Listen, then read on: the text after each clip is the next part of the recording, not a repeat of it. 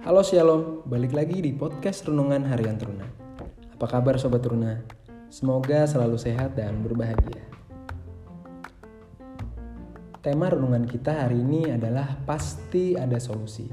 Dengan bacaan Alkitab yang terambil dari kejadian pasalnya yang ke-47, ayat yang ke-13 sampai dengan ayatnya yang ke-20. Sobat Teruna, tidak ada masalah yang tidak dapat diselesaikan. Hanya biasanya karena ego atau perasaan seseorang atau baper, maka permasalahan di dalam hubungan pertemanan sulit untuk dicarikan solusinya. Sobat Teruna tentu pernah mengalaminya, yaitu perselisihan dengan kawan yang lama akan sulit untuk baik kembali.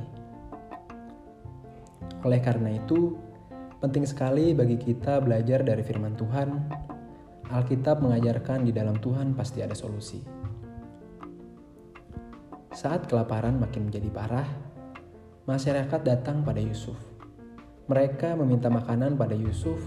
Mengapa? Karena semua uang sudah habis dikumpulkan di istana Firaun. Ternyata di istana pun uang sudah habis. Yusuf meminta semua orang untuk membawa ternak kepadanya. Setelah dikumpulkan, Yusuf memberi mereka makanan. Ternyata situasi dan kondisi tetap sulit. Bahkan keadaan kala itu semakin parah sehingga Yusuf meminta masyarakat menyerahkan diri dan tanah mereka untuk memperoleh bahan makanan dari istana Firaun guna untuk bertahan hidup. Yusuf kemudian memberikan mereka bahan makanan yang diperlukan dan benih untuk bercocok tanam agar tanah tidak menjadi tandus.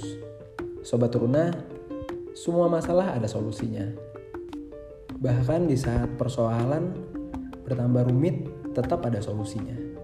Dari cerita Alkitab ini, ada pelajaran yang penting, yaitu mari selalu berkomunikasi, sampaikan dan utarakan setiap keluhan yang ada. Jangan ragu untuk mengatakan hal-hal yang ada dalam hati. Sampaikan masalah kepada orang yang tepat, papa, mama, bapak, dan ibu guru, pendeta, atau kakak klien.